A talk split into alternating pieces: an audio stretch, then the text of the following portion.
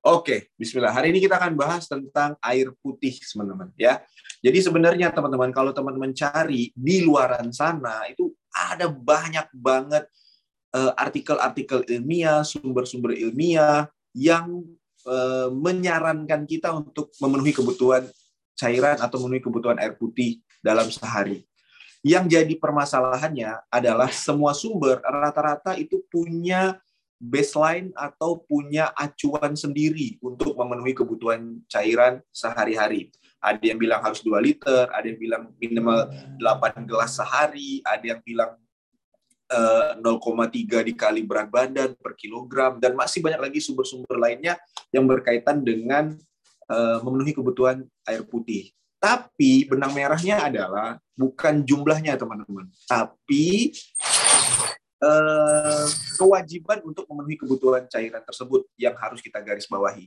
Ya, bukan kita tidak perlu meributkan atau tidak perlu mempermasalahkan si A bilang harus segini, si B harus bilang segini, si C harus bilang gini sejumlahnya. Intinya adalah air putih itu wajib, udah itu aja. Ya.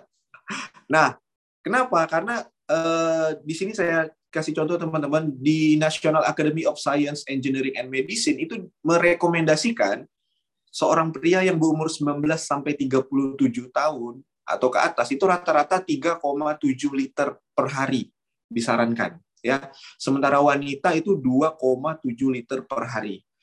Di sini teman-teman harus garis bawahi untuk wanita dan pria dalam kondisi tubuh yang normal. Maksudnya memang ada kondisi tubuh yang tidak normal. Ada teman-teman kondisi tubuh yang tidak memungkinkan untuk memenuhi asupan cairan berlebihan. Misalnya uh, sakit jantung atau sakit ginjal. Dan masih banyak lagi kondisi-kondisi tubuh yang memang dilarang oleh dokter untuk memaksakan dirinya terlalu banyak minum asupan air putih. Kalau teman-teman tubuhnya masih sehat, ya jangan jangan juga langsung menjustify teman-teman nggak bisa minum air putih dalam jumlah banyak, bisa banget ya. Nah, jadi intinya ini. Nah, saya pernah tanya sama teman saya yang dokter. Jadi dia bilang, "Di, kalau kita mau minum air putih itu di, itu 8 gelas." Ya. Kalau bisa 8 gelas di. Jangan terlalu berlebihan kata teman saya yang dokter. Terus saya tanya, kalau saya pakai gelasnya ukuran 1 liter gimana? Berarti saya minum 8 liter. Ketawa dia. kan 8 gelas sehari itu kan kita nggak tahu teman-teman takaran gelasnya berapa. Teman-teman kalau pakai takaran gelas yang 500 mili, nah itu 4 liter berarti sehari. Kalau teman-teman pakai takaran gelas aqua gelas, berarti 8 kali 1,8 sampai let's say, sampai 2 liter sehari. Jadi gelasnya tuh ukurannya berapa kita nggak dikasih tahu. Kita cuma dikasih tahu 8 gelas sehari. Sehingga ada banyak orang yang beranggapan bahwa ya udahlah ambil yang minimal aja lah. Ya, kalau 8 gelas, gelasnya pakai gelas Loki yang segini doang, gimana ukurannya? Ya. Kemudian, nah teman-teman, kita akan bahas tentang air putih dingin. Kalau tadi kan kita bicara tentang kebutuhan air putih, sekarang kita bicara tentang air putih yang dingin. Ada beberapa orang yang percaya dan masih banyak mungkin di luaran sana eh, rata-rata itu beranggapan bahwa air dingin itu sangat berbahaya, teman-teman. Berbahaya dalam hal ini berkaitan dengan kondisi tubuhnya atau mungkin berbahaya berkaitan dengan kondisi progres diet mereka. Ada beberapa poin, tapi yang biasanya yang sering itu teman-teman saya lihat di artikel ada dua poin. Poin pertama adalah banyak orang yang percaya kalau minum air putih dingin itu adalah kebiasaan yang dapat membahayakan kondisi kesehatan tubuhnya dalam jangka waktu yang lama.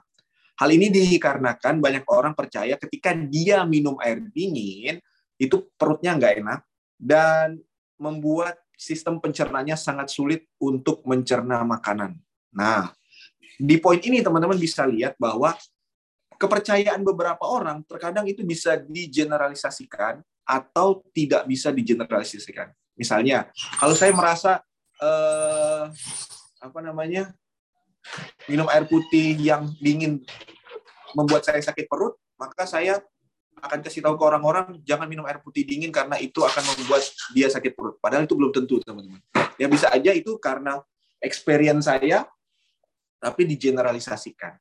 Terus yang poin yang kedua adalah beberapa orang percaya bahwa ketika kita minum air dingin, itu tubuh kita akan bekerja lebih berat ya untuk memaintain atau membuat suhu uh, airnya itu ke suhu yang normal atau ke suhu tubuh. Jadi orang percaya kalau kita minum air hangat lebih mudah menurunkan suhunya dari suhu tinggi ke suhu rendah daripada menaikkan suhunya dari suhu yang rendah ke suhu yang tinggi. Nah, jadi itu adalah beberapa kepercayaan yang mungkin teman-teman sering temui atau teman-teman mungkin sering dengarnya adalah minum air putih dingin akan buat lemak jadi beku. Nah, itu tuh. Itu yang yang paling sering paling sering saya dengar buat minum air putih dingin nanti buat jadi beku, air lemak jadi beku. ya.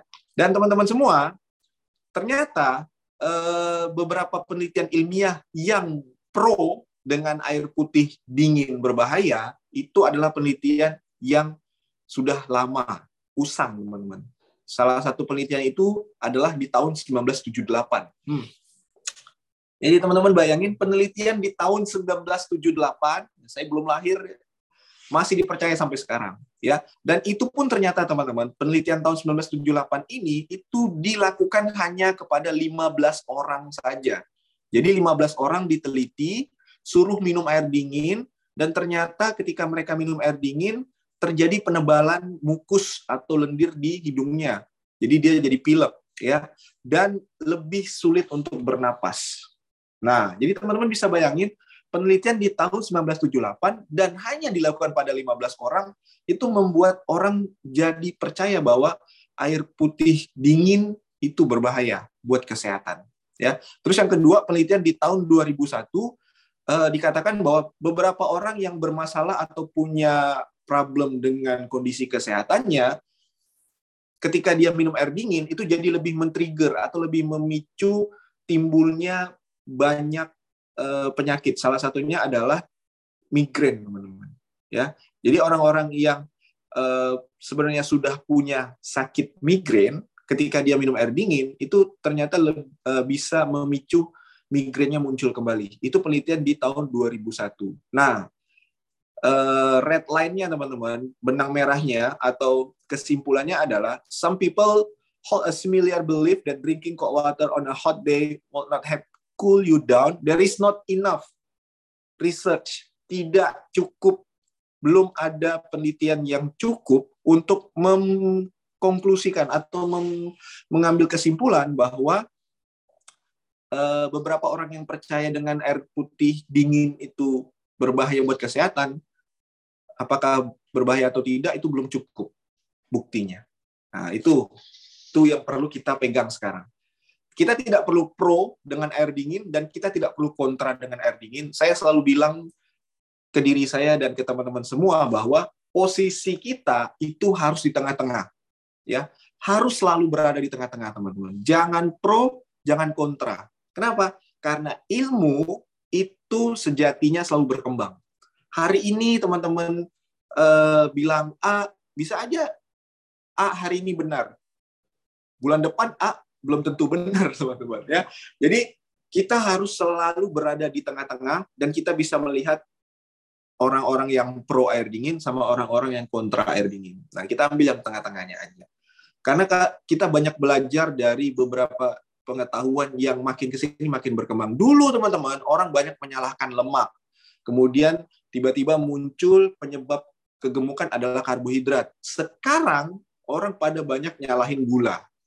Jadi teman-teman bisa bisa bisa lihat bahwa semakin berkembang dan semakin bertambahnya tahun itu ilmu pengetahuan juga akan semakin berkembang dan kita nggak tahu mungkin di tahun-tahun ke depan memang air putih dingin itu berbahaya. Jadi intinya adalah kita harus selalu berada di tengah-tengah ya. Nah, ada beberapa penelitian juga teman-teman yang mendukung pernyataan bahwa sebenarnya air putih dingin itu is okay, no problem ya. Ada empat poin di sini yang saya berikan kepada teman-teman. Yang pertama adalah drinking cold water during exercise can help keep your body from overheating. Jadi, kalau teman-teman perhatikan, ketika ada atlet-atlet berolahraga atau atlet sepak bola atau atlet uh, basket lagi break, biasanya dia dikasih air dingin kan. Nah, itu ternyata supaya uh, tubuhnya tidak overheating, tidak terlalu uh, panas jadi di cool down kan, diturunkan suhu tubuhnya dengan minum asupan air dingin. Dan and make your work session more successful. This is probably because drinking cold water makes it easier for your body to maintain a lower core temperature. Jadi itu adalah satu manfaat dari minum air dingin. Ya, jaga menjaga suhu tubuh agar tidak overheating. Terus yang kedua adalah drinking plain water no matter the temperature with lower calorie intake throughout the day. Jadi mau dia air putih dingin, mau dia air putih hangat, mau dia air putih panas sekalipun itu enggak jadi masalah. Kenapa? Karena itu akan membuat eh, kalori dari asupan cairan tidak terlalu banyak bertambah. Nah, jadi kalau teman-teman sering minum air putih, otomatis kan air putih eh, bisa dikatakan kalorinya rendah atau tidak ada sama sekali. Jadi mau dia air putih dingin, mau air putih hangat, mau air putih panas, mau air putih panas dikasih es batu dingin nah, pokoknya selama di air putih nggak jadi masalah ya terus yang nomor tiga adalah Drinking water as an alternative to sugary beverage is good for irrigation and maintaining a moderate weight, even if the water you drink is on the colder side. Jadi ada juga penelitian yang menyatakan bahwa mau dia air putih dingin, air putih hangat, mau air putih biasa, Kalaupun itu air putih, maka itu akan bermanfaat untuk sistem pencernaan tubuh kita, teman-teman. Ya, dan poin yang keempat adalah drinking water that cold may help you burn a few extra calorie as you digest. Jadi, di sini dikatakan bahwa kalau kita minum air dingin, itu ternyata kita akan membakar kalori lebih banyak untuk bisa ngebuat tubuh menjadikan suhu air dingin itu normal. Jadi teman-teman bayangin suhu tubuh misalnya 25 derajat, kita masukin air dingin yang let's say misalnya 20 derajat. Nah, menaikkan dari 20 ke 25 agar maintain, agar sama suhu tubuh dengan suhu air, itu ternyata bisa membakar kalori yang lebih banyak. Tapi tidak berlangsung dalam waktu yang lama. Nah, ini yang banyak orang tidak bahas, teman-teman ya. Mereka pikir bahwa dengan minum air dingin mereka akan membakar kalori lebih banyak. Enggak, dan juga benar. Bisa jadi iya, bisa jadi tidak. Kenapa? Karena iya memang akan membakar kalori lebih banyak, tetapi tidak waktunya singkat. Paling cuma berapa menit. Jadi nggak serta-merta seharian gitu, teman-teman. Beda kalau misalnya teman-teman olahraga atau teman-teman melakukan aktivitas lain, pembakaran kalorinya bisa diukur. Kalau misalnya minum air dingin, itu nggak terlalu signifikan sebenarnya pembakaran kalorinya. Ya itu manfaatnya. Kemudian teman-teman semua, ada juga orang yang pro dengan minum air hangat. Ya, mau dia minum air hangat di pagi hari, mau minum air hangat seharian, selama dia minum air putih hangat, ternyata itu penelitiannya juga ada, teman-teman.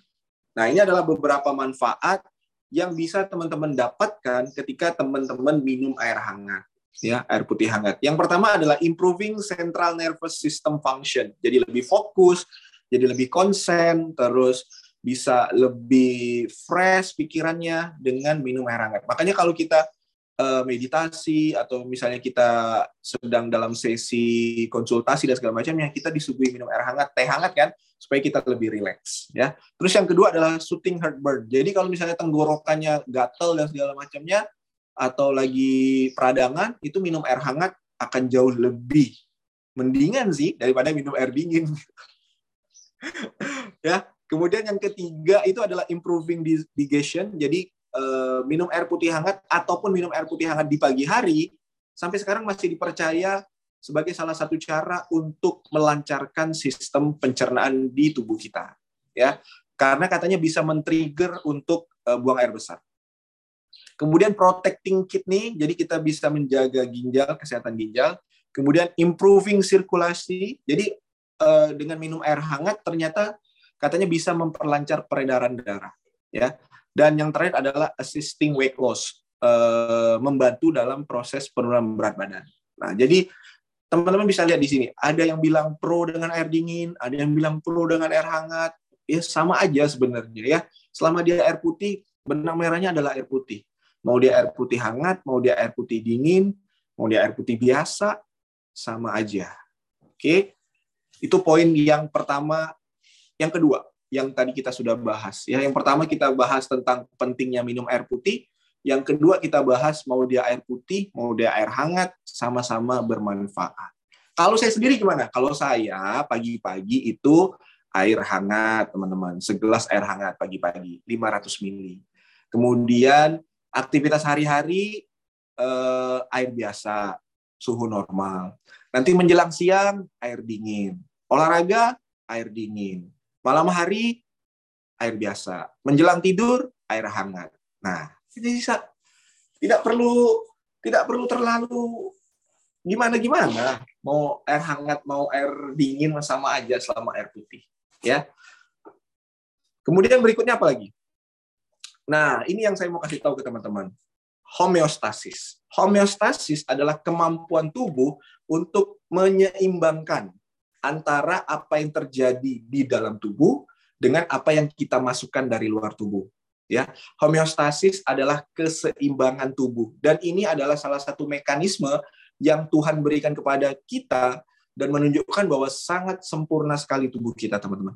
Homeostasis banyak jenisnya, tapi yang paling relate dengan progres diet kita ada dua, yaitu osmoregulasi sama termoregulasi. Termoregulasi adalah pengaturan suhu tubuh terhadap suhu lingkungan.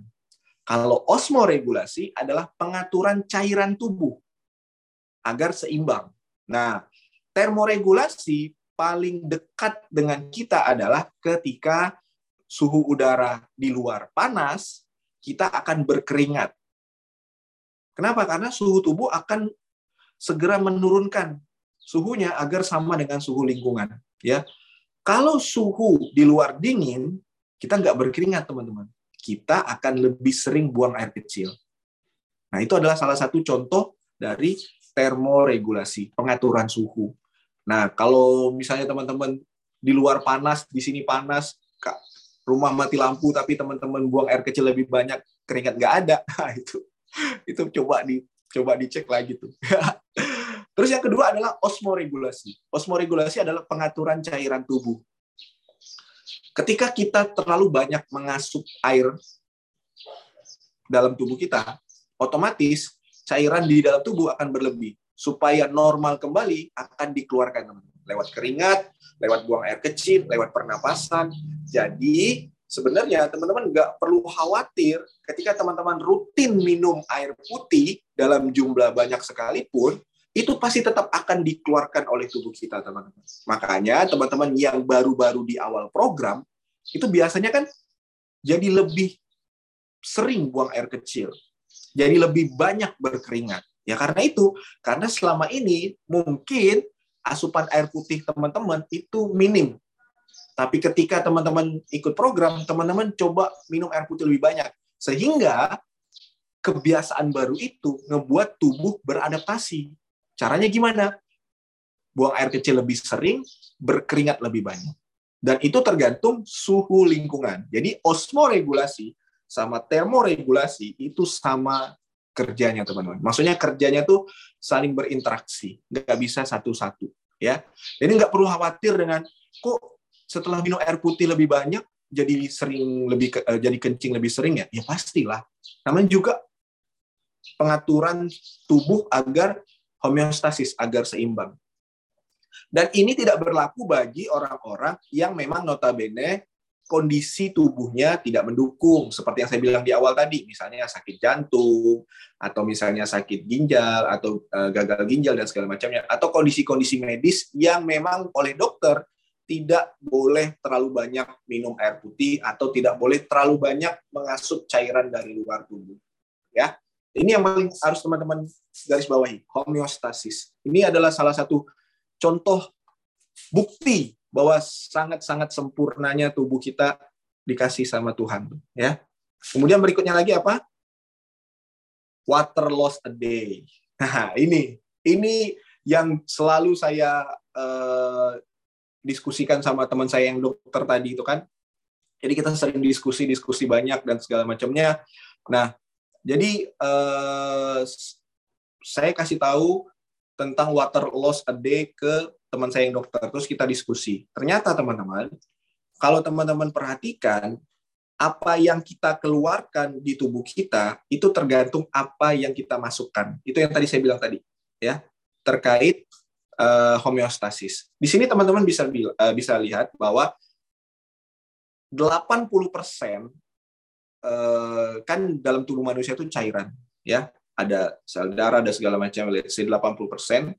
Ternyata teman-teman, ketika kita minum 2,5 liter air sehari, ternyata metabolisme membutuhkan 10%. Jadi kurang lebih 250 mili. Terus dari makanan 30%, 750 mili dan beverage itu rata-rata 1500 mili ya dari asupan minum dan segala macam. Nah, average output per day atau eh, rata-rata pengeluaran cairan di tubuh kita dari feses itu kurang lebih 4%, dari keringat kurang lebih 8% atau 200 mili dari keringat.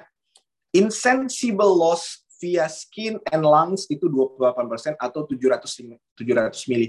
Insensible loss itu apa sih? Insensible loss itu adalah kehilangan cairan yang tidak bisa diukur atau dalam hal ini uh, setiap hari beda-beda ya. Ambil contoh misalnya keringat. Hari ini mungkin teman-teman keringatnya nggak terlalu banyak tapi besoknya teman-teman olahraga teman-teman keringat lebih banyak. Jadi itu yang dikatakan istilahnya insensible loss. Dan teman-teman juga bernapas. Hari ini mungkin teman-teman tidak terlalu banyak bergerak jadi frekuensi pernapasannya masih normal. Tapi ketika teman-teman lebih sering jalan kaki terus naik turun tangga dan segala macamnya, maka frekuensi pernapasannya akan jauh lebih sering, lebih intens. Otomatis uap air yang keluar juga akan lebih banyak. Nah, itulah termasuk insensible loss. Jadi rata-rata teman-teman itu 28 persen. Dan urin itu 60 persen. Ya, jadi banyak cairan yang keluar dari tubuh kita itu uh, average-nya lebih banyak lewat buang air kecil, urin ya teman-teman 60 persen. Nah, ada penelitian yang menarik teman-teman. Di sini dikatakan bahwa uh, penelitian di tahun 2010 ada ilustrasi kehilangan cairan per hari. Kalau misalnya uh, teman-teman minum dan segala macamnya itu ada batas minimum dan batas maksimum kehilangan cairan di hari. Jadi average rata-rata dari urin itu kita akan keluar 1,6 liter, 1.600 mili. Teman-teman bayangin, kita tuh tubuh kita rata-rata memproduksi urin itu 1.600 mili. Lagi-lagi tergantung dari osmoregulasi tadi, tapi rata-rata 1,6 liter. Nih, kalau botol ini, ini kan botol 1 liter nih. Ya, terus teman-teman minum. Uh, urin kita itu 1,6 liter rata-rata keluar sehari. Terus dari skin, dari kulit, keringat itu 450 mili, Kemudian dari pernapasan 300 mili, kemudian dari feses 200 eh, mili, dan total average rata-rata yang kita akan hilang air dalam tubuh kita itu 2,5 liter, guys. Hah. Jadi kira-kira kalau kita minum 2 liter, gimana tuh? Cairan yang keluar tuh dari mana ngambilnya? Nah, itulah sebabnya orang yang jarang minum dan jarang makan makanan kandungan tinggi air lebih rentan dehidrasi, teman-teman. Ya, lebih rentan dehidrasi. Dehidrasi adalah kondisi tubuh yang ketika kita mengalami kekurangan cairan. Ada penelitian menarik seseorang yang ke, eh, bahkan seseorang yang mengalami dehidrasi ringan, milk dehydration itu ternyata bisa mempengaruhi fokus kinerja otak. Itu yang dehidrasi ringan. Kalau dehidrasi parah, itu bisa pingsan lah segala macam. Ya jadi teman-teman perlu garis bawahi di sini bahwa tenang aja minum air putih itu pasti akan dikeluarkan oleh tubuh. Ya bahkan tuh teman-teman 2,5 liter average rata-rata tiap orang ngeluarin air dari tubuhnya hilang air 2,5 liter sehari ya. Kemudian Nah, ini juga yang dari Kementerian Kesehatan Republik Indonesia. Jadi Kementerian Kesehatan Republik Indonesia juga kasih tahu bahwa ada berapa banyak sih air yang diperlukan ketika uh, berdasarkan acuannya berat badan. Nah, jadi teman-teman bisa lihat, kalau berat badan 100 kilo aja itu rata-rata 4,3 liter sehari kebutuhan airnya yang harus kita minum kata Kementerian Kesehatan Republik Indonesia. Jadi kalau kalau saya di sini berat badannya adalah eh, uh, 72 kilo, 72 kilo berarti ambil yang 75 teman-teman. Karena di sini kan uh, dia intervalnya 5 kilo. 45, 50, 55. Jadi kalau teman-teman berada di tengah-tengah, ambil yang paling atas ya. Kalau saya kan 72. Nah, Saya ambil yang 75. 75 itu adalah 3,2 liter sehari, teman-teman. Jadi Kementerian Kesehatan Republik Indonesia menyarankan saya itu minum air putih 3,2 liter sehari. Tapi saya biasa minum 5 sampai 6 liter. Loh, banyak banget. Gimana dong? Kalau misalnya nanti keracunan air, oh. tidak, tidak, tidak, tidak, tidak, tidak. Tidak ada uh, istilah keracunan air, teman-teman. Yang ada namanya overhidrasi. Overhidrasi adalah uh, water intoxifikasi di mana teman-teman minum air terlalu banyak dalam rentan waktu singkat. Nah, itu tuh tolong digarisbawahi teman-teman. Teman-teman minum air dalam jumlah banyak dalam rentang waktu singkat. Ya, misalnya nih, dalam satu jam teman-teman minum satu galon. Allah Akbar. Atau misalnya eh, dalam waktu 30 menit teman-teman langsung minum 2 liter. Ya, nggak kayak gitu caranya guys. Nggak kayak gitu bro. Nah, itu kalau kata sastra silalah gitu ya. Dan biasanya teman-teman overhidrasi itu dapat terjadi juga selama olahraga dalam durasi panjang sehingga elektrolit hilang melalui keringat dan tidak diganti. Nah, ini misalnya teman-teman uh, let's say teman-teman lari maraton 20K, 30K, 40K. Terus setelah lari maraton, teman-teman nggak ada minum sama sekali. Teman-teman langsung minum, balas dendam dalam jumlah banyak. Itu fix. Teman-teman langsung overhidrasi. Makanya kalau teman-teman perhatikan, orang-orang yang lari dalam jarak waktu yang lama atau jangka waktu yang lama, itu biasanya di beberapa kilometer, beberapa titik ada disediakan air minum elektrolit. Supaya apa? Supaya tidak terjadi yang namanya overhidrasi. Nah, sekarang Kan kita di luaran sana tuh banyak banget orang-orang yang bilang, ih ngapain sih minum air putih terlalu banyak? Nanti keracunan loh. Ginjalnya bisa rusak loh. Hati-hati loh. Nah, ya, ini udah dijawab nih sama saya nih teman-teman. Berdasarkan penelitian ilmiah bahwa tidak ada resiko teman-teman akan terjadi overhidrasi kalau teman-teman mengatur asupan air putih teman-teman tidak dalam jumlah banyak di waktu yang singkat. Ya, jadi tenang-tenang aja. Kecuali memang teman-teman berada dalam kondisi medis yang tidak memperbolehkan teman-teman minum air putih dalam jumlah yang banyak. Nah, ya, jadi udah terjawab ya teman-teman.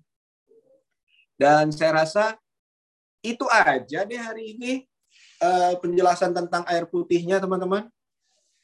Saya harap teman-teman bisa mulai lebih memahami terkait uh, kebutuhan air putih, kemudian uh, air putih dingin, air putih hangat, kemudian uh, resiko minum air terlalu banyak, dan masih banyak lagi hal-hal yang berkaitan dengan air putih yang insya Allah kalaupun nanti misalnya masih ada pertanyaan atau diskusi bisa kita lanjutkan di sesi-sesi selanjutnya ya.